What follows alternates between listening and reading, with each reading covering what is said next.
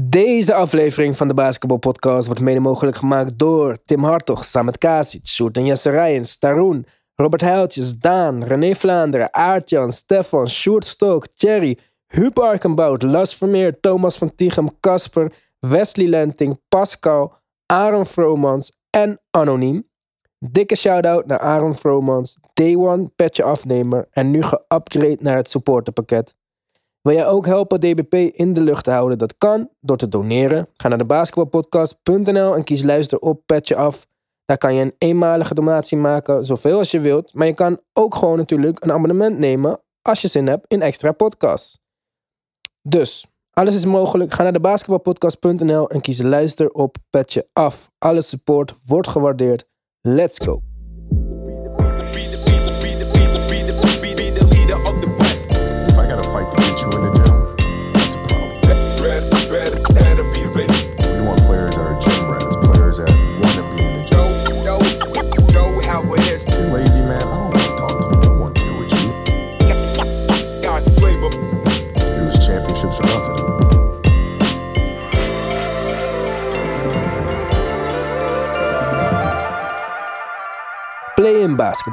Een nieuwe term, maar toch een bekende feeling.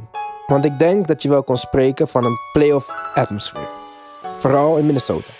De Timberwolves versloegen de Clippers en zullen het in de eerste ronde dus gaan opnemen tegen de Grizzlies. Dat werd uitgebreid gevierd, wat sommige mensen overdreven vonden. Je hoorde geluiden als het is nog maar één wedstrijd, het is nog maar het play-in toernooi. Ze doen alsof ze de titel hebben veroverd. Maar ik zou zeggen, nou en? Ik ben juist blij dat de Timberwolves een team zijn die willen winnen. Een paar jaar geleden zag het er heel anders uit. En dan draften ze ook nog eens een rookie die geen basketbal keek. Maar kijk ze nu eens, op de scorerstafel, blij worden van winnen, op naar de playoffs. En die rookie die geen basketbal keek, Anthony Edwards, had een fantastische avond. 30 punten, goede defense. Samen met D'Angelo Russell nam hij het grootste gedeelte van de aanvallende productie voor zijn rekening. En dat moest ook wel, aangezien Carl Anthony Towns al vroeg in foutenproblemen kwam. Uiteindelijk moest hij zelfs naar de kant met zes fouten. En niet de slimste fouten ook. Maar de Timberwolves bleven knokken, met Patrick Beverly als aanjager. En misschien wel meer dan aanjager. Hij was de mentale leider van dit team dit jaar. De culture changer. En dit was misschien ook het moment waarop hij had gewacht. Een één game serie tegen de Clippers, zijn oude team. Het team wat hem te oud vond en te vaak geblesseerd. Wat hem een disrespectvol offer had gedaan, volgens Beverly zelf. Wat er dus toe leidde dat hij een trade aanvroeg. Waardoor hij uiteindelijk dus in Minnesota terecht kwam. Waar hij nu kan shinen in zijn rol. Een rol die hem op het lijf geschreven is. We gaan het zo daar nog wel over hebben, maar er was natuurlijk meer play in basketbal. En ook al waren er maar vier wedstrijden deze week, er zaten een hoop bijzondere momenten tussen. Wat denken jullie bijvoorbeeld van Kyrie's avond? 34 punten, 12 assists, maar drie gemiste schoten. En dat terwijl hij aan het vasten was voor Ramadan. Dan hebben we ook nog de Hawks, die zelfs met een niet zo hotte avond van Trae Young als team de Hornets van het veld wisten te blazen. We gaan het allemaal bespreken en ik zei het al de vorige aflevering. Daarvoor hebben we iemand uitgenodigd die jullie nog nooit in de basketbalpodcast hebben gehoord.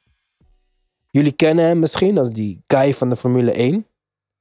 Maar ik ken hem als die guy van de NBA. Rob van Gameren, welkom in de basketbalpodcast. Dankjewel voor de uitnodiging. Ik ben een trouw luisteraar. Nou, dat vind ik sowieso heel erg leuk om te horen. Ik hoorde je ook ons een keer een eh, shout-out geven on air. Dat vond ik heel tof. Tenminste, ik hoorde het niet, maar David heeft het mij verteld. En eh, ik ben blij dat je er vandaag bent. Tim is er ook natuurlijk. Mark is ergens aan het golfen. Je weet nooit met die jongen, die heeft van alles te doen. Soms denk ik dat hij een international spy is of zo. Maar eh, Nu gaat het erom en dan is hij afwezig. ja, ik weet het ook niet. Misschien een assassination ergens. eh, je weet het maar nooit. Maar jongens, we we hadden het al even voor de uitzending ook over Patrick Beverly. Ja, dat was toch wel een dingetje, hè? Ja, hij wordt niet voor niks altijd omschreven als de pitbull, zeg maar. Jij zegt hij heeft zijn rol gevonden nu bij Ja. de Minnesota Timberwolves. Beetje overal in vastbijten en af en toe een paar driepunters eh erin knallen. En vooral een hele grote mond voeren altijd overal. Ja. Ik hou er wel van. Ja, ik ook wel. Je zag hem ook tegen Steve Ballmer praten tijdens de wedstrijd. Hij vond dat offer wat hij heeft gekregen disrespectvol. Ik weet de getallen niet. Maar ik vond ook wat hij nu heeft gekregen. Dus 13 miljoen volgens mij, Ja. 14. Ja, ik vond dat ook iets wat aan de hoge kant. Dus als hij dat niet van de Clippers kreeg, vind ik dat nog wel begrijpelijk. Maar die 13, 14 miljoen vind ik hem dus dit seizoen wel waard geweest. Want hij heeft van de Timberwolves dat softe team, jarenlang, Wiggins, Towns, eh, talentvol, maar niemand ging ervoor. En kijk ze nu knokken. En die, die spirit zit ook in iedereen. Edwards zei, niemand durfde me te verdedigen op de Clippers. Ja, je hebt, in elk team heb je van dat soort spelers nodig. En ze zijn, als je ze individueel aan het werk ziet, denk je niet van, oh, heb je, je komt daar niet voor naar het stadion. In Nee. principe zou je zeggen, want je komt altijd voor de schitterende driepunters en de, de magistrale dunks. Je komt voor Opie Top in. Naar, naar, Ja, maar ja, om die te laten shinen heb je dat soort eh, gasten heb je wel nodig. En hij, ja, hij heeft en een grote mond en hij heeft nu ook een redelijk salarisstrookje gekregen. Volgens mij zei hij daar zelf nog over van, ik had nooit kunnen vermoeden dat ik ooit eh, zo'n geldbedrag bij elkaar zou zien voor iemand van mijn kwaliteiten. Ja, het is Ja. natuurlijk in die zin misschien een beetje een beperkte speler. Maar het geldt in heel veel sporten. Weet je, als jij maar gewoon keihard blijft werken. Als jij het op kan brengen om zo keihard te werken. Dat is ook onderdeel van talent. Er zijn Ja, ook heel veel die dat gewoon zeker. niet kunnen. En dat, weet je, je kan er wel het talent hebben om elke drie punten erin te knallen. Maar ja, als jij jouw werk er niet naar is, dan houdt het toch een keer op. En hij heeft dat wel. de ondergang van de Braziliaanse voetballer, zeg maar. Talent eh, meer dan genoeg. Maar ja, na de eerste miljoenen op het strand in Brazilië met een dikke cocktail en eh, niet meer fit de rest van je carrière. Nou ja, het is ook lastig. Ik bedoel, Er zijn er genoeg in de NBA die hebben laten zien met heel veel geld op de rekening. Hoe het ook heel snel mis kan gaan natuurlijk. Dus wat dat betreft, eh moet- discipline is belangrijk. Je moet mij ook geen 10 miljoen geven. Als je mij een 10 miljoen geeft, ga ik niet meer om 7 uur 's ochtends opstaan om naar de gym te gaan of Wat zo gaat er hoor. gebeuren dan? Dus dan blijf ik lekker liggen. Wat denk je daarvan? 10 miljoen is toch meer dan genoeg? Ik pas me wel aan hoor. Nou ja, sommige jongens in die casino's in de NBA, die eh, hebben dat in twee avonden wel eh, over de Ja. toonbank gesmeten. Ja, dat gokken. Maar gelukkig heb ik dat eh, nooit gehad. Maar ja, Pat Bev dus eerst Europa gespeeld. Toch in de NBA gekomen. Toen bij de Rockets een plekje gevonden. Ehm, als hij speelde, niet geblesseerd was, nog nooit de playoffs gemist.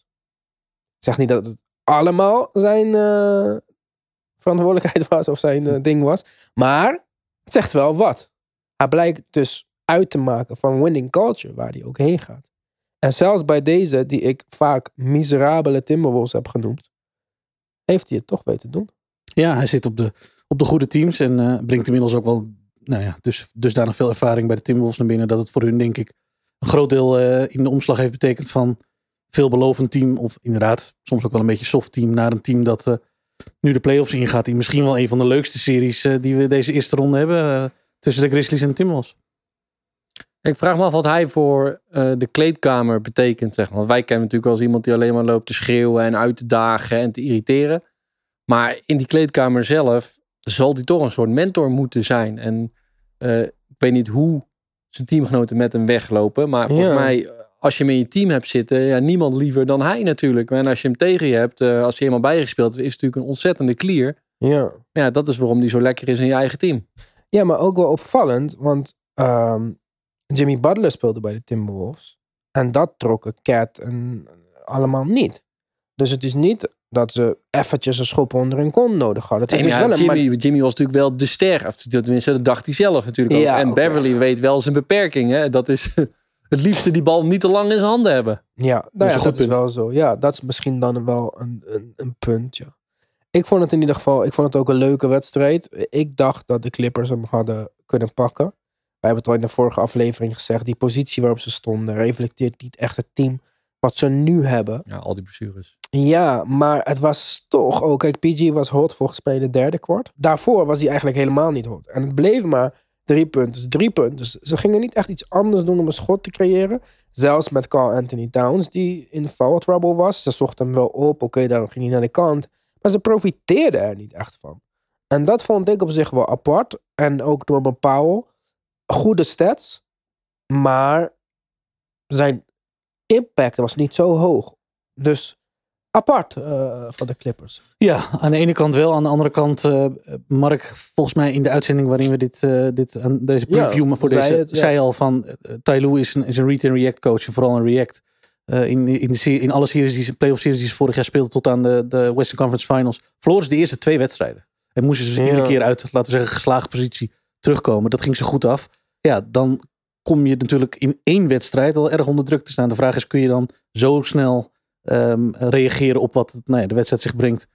eh, als dat ze toen in een playoff serie deden, ja, dan, ja, goed, dat, dat bleek dus. eh, Maar dat, dan zie je dus ook niet heel somber in dat ze überhaupt de play-offs gaan halen nu. ik geef ze op zich wel goede papieren, eh, omdat ja, het is eigenlijk hetzelfde verhaal als wat we afstaken over de Timberwolves. Alleen denk ik niet dat, dat de Pelicans net zo sterk zijn als, als de Timberwolves. Ehm, maar ja, ik vind het toch moeilijk om, Maar denk om je de. Clippers. Ik laat ik het zo zeggen. Ik vind het moeilijk om de Clippers af te schrijven tegen een team als, Helemaal als de het einde van het eh, reguliere seizoen waar Ja. ze heel goed gingen. Ja, maar de Pelicans... Daar viel gisteren niks, hè? En ze winnen nog steeds. Ja. En ik zat er gisteren te kijken, want Brandon Ingram is in het verleden zelfs wel eens vergeleken met Kevin Durant. Wat denk ik meer te maken heeft met zijn Ja. lichaamsbouw Ja. dan met zijn skillset. Maar ik vind dat Brandon Ingram bijna speelt als een soort van de Rosen light. Klopt. En dat met een CJ McCollum. En nog een Valanciunas die gisteren volgens mij ook boven de 20 punten had met boven de 10 rebounds. Ze hebben absoluut een leuk team. Ja. Ik weet niet of dat 1, 2, 3 heel makkelijk is. Eh, kijk, dit betekent wel met Valanciunas on the floor... dat de Clippers niet zo makkelijk smal kunnen gaan. Dus dat is niet even Batum stikken op eh Valanciunas. En ook Reggie Jackson of wie dan ook die CJ McCollum moet gaan verdedigen. Ik weet niet of PG dat in zich heeft om die speler de hele wedstrijd te gaan verdedigen. Ik weet niet. Ik, eh, ik, eh, ik weet het niet. Ik zeg, iedere keer als ik nu de Pelicans zie, zit ik toch te denken, wat als Ja. Zion Williamson hierbij. Want het is echt een leuk team. Ik, sinds de CJ McCollum trade daarvoor dacht ik echt, het is trash. Weet je wel, het is echt een zinloos jaar ja, voor die dat gasten. dacht ik ook. Ga lekker tanken, haal nog een superster uit, eh, uit college erbij. Maar nu zie je eigenlijk dat ze gewoon prima mee kunnen. En als ze die extra piece nog hadden gehad, wat zat er dan? Dat heb je natuurlijk met heel veel teams eh, met blessures te maken. Wat als altijd. Mhm. Maar in dit geval, hij is natuurlijk wel echt een verschil maken. Zeker. En ook die rookie die ze gedraft hebben, Herb Jones. Ook weer een mooie case van... Draft niet nou altijd die 19-jarige jongen met de hoogste vertical jump en de Ja. grootste wingspan. Ja, Laten NBA we ready. kijken ja, naar iemand die daadwerkelijk iets kan toevoegen. Deze rookie is 23. Dat is twee jaar ouder dan RJ Barrett, die al twee jaar in de NBA speelt. Ja, Maar hij is dit jaar gewoon al NBA defense kandidaat. En je ziet wat hij gisteren deed. Ik eh, denk dan van, nou, CJ, Herb Jones, Ingram. Ik weet niet die fit tussen Ingram en Zion echt of dat ideaal is. Want Ingram wil natuurlijk ook naar binnen. En dan heb je Zion, Ingram en Valanciunas die hun beste werk eh, rond de basket doen. Maar de potentie is daar. En als je Ingram kan flippen volgend jaar voor een speler die misschien beter aansluit bij Zion. Als Zion een contract tekent en verlengt. Want dat is nog maar de vraag natuurlijk. Dan zie ik de eh, Pelicans wel gewoon als een playoff team volgend jaar. Absoluut, helemaal met je eens. Ja, het, het zal spannend worden tegen de Clippers hoor. Want als je zag hoe de Pelicans gisteren, eh, eh, hoe dat stadion, eh, hoe de energie in het stadion was en dat ze wonnen. Ja, dan, dan is het toch gewoon. En nu hebben ze waarschijnlijk dan natuurlijk gewoon een, een uitwedstrijd, geen thuiswedstrijd. Maar wel momentum. Je komt wel van een, van een winstpartij af en, en de Clippers niet. Ehm, dus ja, het, het zou nog wel eens ingrediënten kunnen zijn voor een, voor een redelijk spannende wedstrijd. En Zion zat bij die wedstrijd. En voor de wedstrijd. goede ketting had hij om trouwens. Ja, dat? maar eh, ja, ik vind dit altijd zo belachelijk. Ik denk, mensen geven je Nee, nee, uit. nekblessure als hij dat, Ja, eh, of niet. hé. Het was echt een eh, plakkaat van... ja, ik weet niet of hij daar zijn donuts van eet of zo. Maar dat leek best een portable bordje. Maar ik zag hem ook gewoon dunken voor de wedstrijd begon. Hij doet al on-court werk. En niet meer alleen op die bouncy vloer. Maar dus echt op een echte vloer. Ja. Kijk, als we Zion gaan terugzien in de eerste ronde van de playoffs. Dan ja, geef me maar de Nee, is, dat, is dat aan de orde dat hij überhaupt terugkeert? Als jij aan het dunken bent en zo, waarom niet? Ben Ja. Simmons heb ik nog niet zien dunken. En die schijnt terug te komen in game 4. Zo, dat is wel heel specifieke planning. Ja, dat Ja. is wel als je dat was langer staat, vandaag dan komt hij dan toch nog terug. Ja, weet ik niet. Dit is vandaag geleakt en eh, ik geef het door. Maar ja, Zion ziet eruit alsof hij kan spelen. En Zion, vorig jaar was... Mensen zijn vergeten, zeg maar... Het is niet alleen maar spektakel. Volgens mij was hij gewoon 27 en 12 of zo. Ja, volgens mij een klein beetje minder, maar hij was, ja, hij was echt heel goed. Ja. Ja, ik heb Ja. deze getallen ook gewoon Ik had hem in mijn fantasy eh, team, dus ik zou het moeten weten eigenlijk. Ja. Maar het was inderdaad wel... eh En ik heb deze getallen zomaar uit de op de lucht blog gehaald. vond ik hem wel tegenvallen. Want eh, Ja. maar dus het is wel heftig hoor. Als hij nog terugkomt. Ja, misschien dat ze wel eh, gezegd hebben van eh, we laten de play-in voor wat het is. Als we de play-offs halen, dan, eh, dan gaan we werken aan een, terug, aan een terugkeer. Maar je speelt in de eerste ronde tegen de Suns. Ja. Dus hoe... Ja. Wil je dit, wil je dit zeg maar overhaasten? Wat is de urgentie? Ja. Ja. Zion terugbrengen en dan wat? Ga je met 4-1 naar huis? Ja, het ja. probleem is natuurlijk nu wel, zij hakken ook geen knoop door. Dus er komt wel wat druk op te staan. Komt hij nu terug of niet? Eigenlijk weten zij nu al, gaat het gebeuren of niet? En dan moet je eigenlijk als club zijn. En wat, ze met de, wat, de Bulls eh, wat de Bulls bij Derrick Rose destijds niet goed Mhm. deden, was altijd maar in het midden houden. Komt hij terug of niet? En dan leg je ook druk op zo'n jongen. Gaat hij overhaast terugkomen of niet? Ja. Zij weten eigenlijk nu al, is deze jongen fysiek in staat om over één week te ballen? Ja, Nou ja, tuurlijk als- weten ze dat. Ah, maar als dat niet is, zeg dan ook gewoon, gaat hem niet worden, weet je? Dat, Ja, maar aan het begin van het seizoen zei eh, David Griffin... "Ah, Hij gaat waarschijnlijk de start van het seizoen halen. ja, We zijn in 82 Nou ja, wedstrijden het was verder. In, het was in op de mediadag, zeiden ze even tussen neus en lippen door. Trouwens, zijn is een beetje geblesseerd. Het kan zijn dat hij even wat mist, weet je wel. Uiteindelijk heeft hij het hele seizoen. seizoen. Ja, dus Ja. Je, je, je weet het sowieso niet wat ze ook zeggen.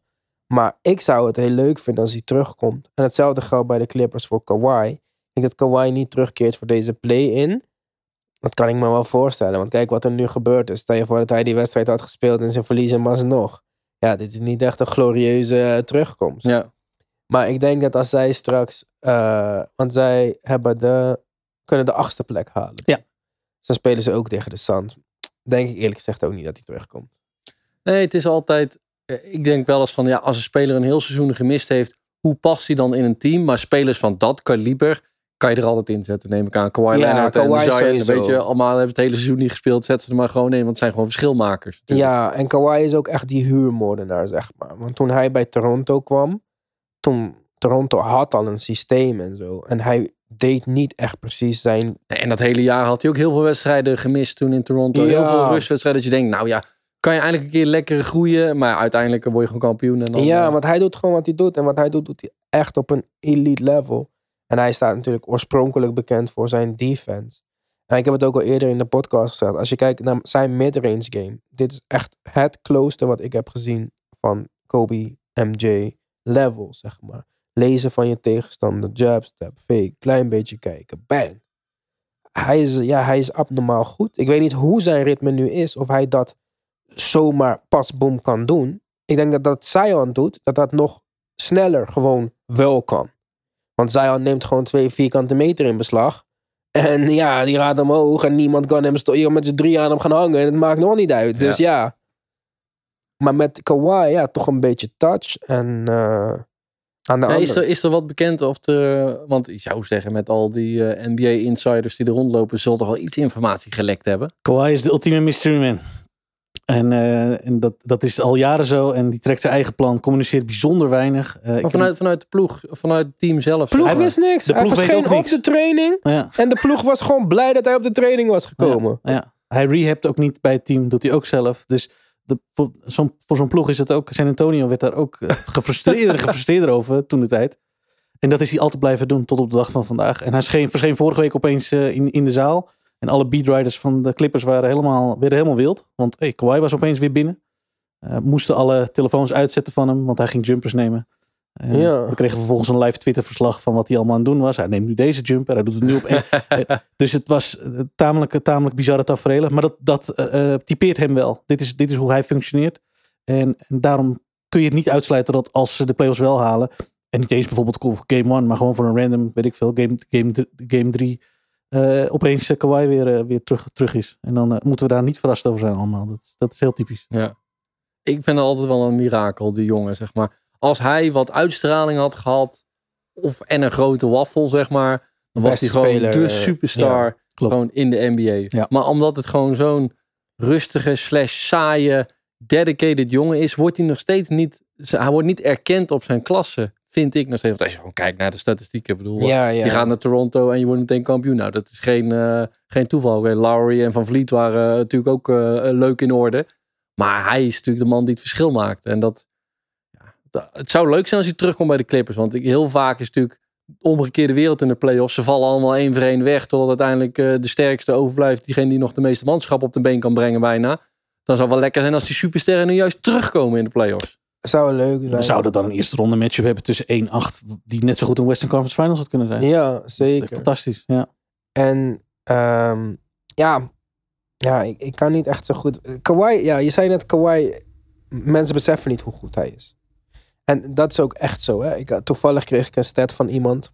En het ging over Jason Tatum tegen Ben Simmons. Dat is natuurlijk de matchup die we gaan zien. En bleek dus, wist ik niet eens, dat Jason Tatum average 17,8 punten, 6,4 rebounds en 2,4 assists in 13 games versus Ben Simmons. Nou, ben Simmons is een hele goede Dat zijn verdediger. Patrick Beverly eh, statistieken bijna. Ja, dus dat is gewoon eh, 10 punten onder zijn gemiddelde, zeg maar. Nou, indrukwekkend, toch? Dus ik dacht, nou, laat me dan eens op gaan zoeken wat Kawhi doet tegen Ben Simmons. 29,8 punten, 6,2 rebounds, 4,2 assists. Dus Ja. Ka- Kawhi is echt een bijzonder level. Hè. Dit is, ja... Ik zeg het mensen echt vaak. Dit is een speler die je niet vaak gaat zien waarschijnlijk. Want ja, Je hebt ook het idee dat hij al vier jaar, zeg maar, dan een keer wel in de NBA is en dan weer niet. Hij is zo vaak, hij is... Ja, en dan komt door rustiger er nog ja. bij. En dan, net als jij denkt van, oh, kijk, mijn favoriete team is over het algemeen de Knicks. Ja, dan speelt hij niet tegen de Knicks. Nou, zie je hem weer niet, Ja. weet je wel. Dus het is jammer, maar... En ook, hij doet niks, dus hij zegt ook niet, ik ben de beste, watch me. Kijk, dat helpt ook, hè. Dat is het inderdaad, dat hij Ja. zegt, hij is gewoon onzichtbaar. Hij is niet op social media, dat soort dingen. Dus je, je komt niks van die man tegen. Nee, hij is eh, enorm introvert en, en atypisch. Maar inderdaad, ik heb hem up close gevolgd in de, in de serie tegen de Mavericks vorig jaar. Waarin hij tot eh, frustratie van alle Mavericks fans letterlijk niet te houden was in, in eigenlijk de hele serie, maar in game, in game 6. Hij is, was echt een machine. Ik had toen echt het idee Ja. van ik zit naar een, naar machine is te kijken. echt de absolute gewone Terminator eh, killer machine. Ja. Ja. Maar goed, jongens. eh, Brooklyn speelde tegen Cleveland.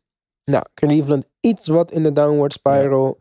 Brooklyn blijft natuurlijk Kyrie en KD. Met Kyrie nu in alle wedstrijden.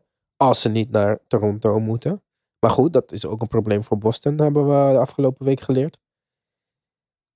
Hij speelde. En ik wist even niet wat, eh, wat hier ging gebeuren. Ten eerste schoot KD de ene naar de andere contested jumpshot raak van bij de baseline bijna over het bord heen. En toen kwamen op een gegeven moment de stats van Kyrie Irving in beeld. Want die had gewoon ergens in het derde kwart 27 punten. En die had nog niet gemist die avond. En die had tussendoor even snel wat gegeten. Want hij had ook nog niet gegeten die dag. nou, dat vond ik wel een abnormaal level. En het telt niet voor de playoff statistieken. Want ja, het is geen playoff. Dus ja, dat hij nu de meeste punten hebt op de minste schoten in de play-in. Ja, woehoe, dat is eh, drie jaar. Dus dat zijn van tien wedstrijden. maar het was wel een weergaloze prestatie hoor. Kyrie zat echt in zijn bag, om het zo te zeggen. Hij mist drie, drie punters. Waarvan hij er twee niet had hoeven nemen. Het was echt... Ja, het was gewoon te veel. Met Kyrie en KD interesseert me echt niet zoveel wie er voor de rest rondloopt. Ze kunnen elk team elke avond verslaan. Ja, dat was eigenlijk mijn, eh, mijn eerste vraag. Zie jij de Nets de finals halen? Ik zie ze niet de finals halen as in ik zou mijn geld erop zetten. Dat zij dat gaan doen. Maar ik zie ze wel de finals halen in dat zou gewoon kunnen gebeuren, zeg maar. Zoals ik bijvoorbeeld, ja, Cleveland niet de finals zie halen, zeg maar. Nee. Maar ja, ik denk dan toch dat de ervaring en de continuity van de Bucks erg helpt daarbij. Ik denk dat Miami een erg goed team is, maar die kunnen ook verliezen. Ja. Maar ja, ik heb toch wel, in mijn hoofd zijn het dan toch wel de Bucks. Jannis is gewoon weer een stapje beter geworden. Ja. Ze hebben het halve seizoen gespeeld zonder Brook Lopez, die hartstikke belangrijk is voor hen. Ze hebben guard problemen gehad, eh, injuries. Drew Holiday, die naar mijn mening wordt gesnapt voor all NBA teams. Want ik weet niet waarom hij niet op deze lijsten in ieder geval in het tweede team zit. Ja. Dus het is gewoon een goed team. Middleton had een wat down jaar. Kan je down noemen, all-star. Maar Je hebt de ervaring van het kampioenschap dat je natuurlijk meeneemt. Eh, ze hebben alle kopstukken bij elkaar weten te houden. Nou goed, eh, Ja. Brook Lopez dus heel lang afwezig geweest. dus continuity, dit is echt Ja. heel belangrijk. Maar goed, ja, wat je net zei, je hebt wel KD eh, en Irving, zeg maar, twee exceptionele, weet je, als het loopt, we zeiden dan pakken ze iedereen in. Maar ja, over een, eh een zeven serie, eh, de, de supporting cast, zeg maar, maakt soms natuurlijk wel wat verschil. Het is natuurlijk eh, vervelend van hen dat eh, Harris Ja. eh, heel lang kwijt zijn geweest. En Ja, nog hebben eigenlijk extra- het hele jaar niet samen gespeeld, het hele team niet. Maar besef ook, hè, kijk, je zei Harris eh, kwijt. Nou, dat was nu een probleem. Maar dat was eventjes geen probleem. Want Seth Curry schoot eh, Ja. sterren uit de lucht. Dat spreekwoord vast. Sterren van. Nee, Sterren van de hemel, ja. Nee, maar dan speelde de sterren van hemel. Ik vind dat hij de sterren uit de lucht kan schieten. Maar, en die was gisteren met nul punten ja, van weinig toevoeging. Dus het scheelde... Kijk, op papier 115, 108. Maar vier drie punten van Seth Curry raak. Wat niet echt raar is, want het waren open looks. En het is een blowout, hè? Ja, aan de andere kant, ehm, fantastische avond van Kyrie. Ik vond overigens Bruce Brown en Claxton ook wel goed. Maar Bruce dan- Brown heel goed. Ja, ja. maar dan, dan, dan heb je het ook wel gehad. De margins for error op dit team zijn zo dun. Kyrie heeft dus blijkbaar, zo kun je het namelijk ook zien, een, een, een fantastische avond nodig. Dat is blijkbaar gewoon noodzaak. Want je wint met zeven verschil van, van de Cavs. ja. Met een Kyrie die fantastisch is. Met een KD. Beide spelen volgens mij vrijwel de hele wedstrijd. Dus maar een paar minuten. En beide hebben 12 en 10 assists. Ook ongebruikelijk voor hen. Zeker. Maar het, je kan het ook zien als dat is dus blijkbaar nodig. En is dit nou het model dat je straks gaat toepassen op een bijvoorbeeld een, een seven game series tegen Boston? Die wel als team vanuit een team. Maar met kleine kanttekening dat ik er toch van uitga dat Seth Curry niet weer 0 punten gaat scoren. Dus zelfs als hij 15 punten scoort, wat echt een heel laag realistisch getal is, scheelt dat al een stapje. Krijgen ze wel Ben Simmons terug, die dus wordt rumored voor game 4. En voor hoeveel minuten? Voor hoeveel minuten, in welke rol. En gaat hij ook de minuten van Bruce Brown afpakken? Vind je dat nodig? Bruce Brown schiet wel een driepunten raak als hij open staat. En dat is toch niet onbelangrijk. Ja. Maar we hebben nog geen Blake Griffin gezien, echt. We hebben nog geen Aldridge gezien, echt. We hebben Drummond minuten die redelijk beperkt zijn. Daar verwacht ik er ook niet meer van in de playoffs. Dat zijn de Nee, minuten maar die- daarom die krijgen we dan nog bijvoorbeeld een Aldridge terug. Aldridge tegen de second unit van een team. Ja. Is ook niet niks of zo. Hij heeft wel een paar van die weken gehad tijdens het eh, reguliere seizoen. Dat je ineens dacht, oké, oké. Dat hij ook ineens, dat je zelfs voor fantasy begrip ineens dacht, moet die gozer erbij hebben, weet Ja. je wel? Ja, dus dan denk ik van oké, inderdaad, gisteren was een aparte wedstrijd. Uitzonderlijke wedstrijd voor Kyrie. Hele goede wedstrijd voor KD, maar die heeft hij wel vaker zo. Maar het was ook uitzonderlijk die nul punten van Seth. En dat vertekent wel het beeld van hoe goed eh Kyrie moest zijn om de wedstrijd te winnen. Want een klein beetje meer hulp en had dat niet gehoeven. Kijk, Kyrie scoort 34 punten, dat is ook geen 50. Nee. En wat ik zei, is het zo onwaarschijnlijk dat Seth Curry 14 punten averaged in de serie? Nee, dat is realistisch. Mag je van Dan zijn we weer bij Kyrie op 20. Nou, dit is ook weer realistisch. Ja. Dus Maar goed, dan win je van een Cavs team. Je speelt straks tegen een Celtics team wat echt wel, eh, echt wel een klasse beter is. on the level, ik wil het wel eens zien. Ik denk niet dat Marcus Smart eh Kyrie gaat verdedigen. Ik vind Marcus Smart wel een betere verdediger tegen ietsje grotere mensen.